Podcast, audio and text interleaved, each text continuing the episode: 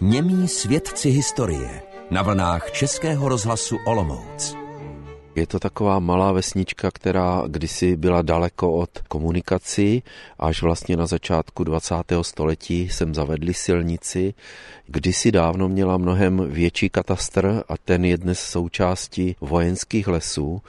Nejvýznamnější památkou Bousina je zvonice uprostřed návsi, která pochází z roku 1794. Název vesnice Bousín je zajímavý, z čeho pochází. Tak je to ta zdejší legenda, že pět dětí pánů z Drahan si postavilo dvory v okolí a jeden z nich se jmenoval Bohuš a založil vesnici Bohušín. Bohušín se jí také dlouho říkalo, až potom v 19. století převládl název Bousín.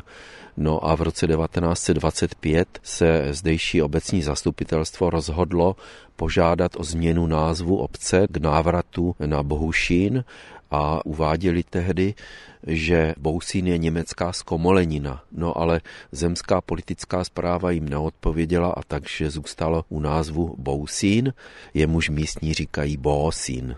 Jak se dříve žilo v Bousíně a čím se místní obyvatelé živili?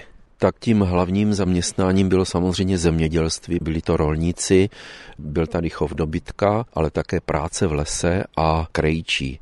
No a na začátku 19. století jsou zde zaznamenány pokusy o výrobu cukru z javorové šťávy. Jak dopadly? Po krátké době skončily. Bylo to v době blokády Velké Británie, v době napoleonských válek a tehdy byly pokusy, protože kanadské javory dávali takovouhle šťávu, z které se dal vyrábět cukr, ale z našich javorů to moc nešlo, takže to skončilo.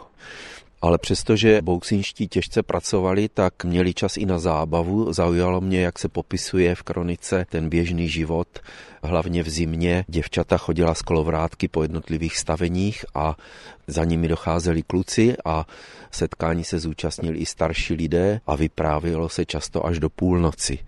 Bývalo zde zvykem také scházet se u muziky, stačil na to třeba jenom jeden hudebník s cymbálem a proslulé byly také místní hody a potom ostatky neboli masopust. Bousínští tedy uměli tvrdě pracovat i dobře se bavit.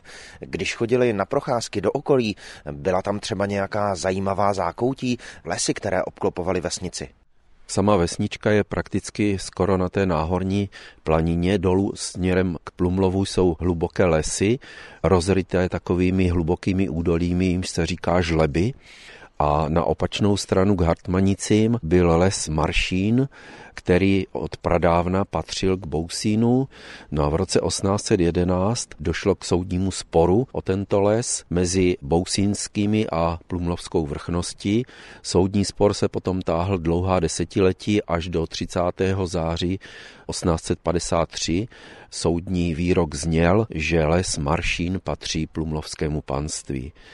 Tehdy došlo ke srocení lidu na návsi, úředníci byli napadáni a bylo jim vyhrožováno trestem, jenže těm se podařilo utéct a následkem toho bylo, že starosta František Hrubý byl potrestán pěti dny vězení a další čtyři iniciátoři tohoto zbouření dostali deset ran holí na zadnici.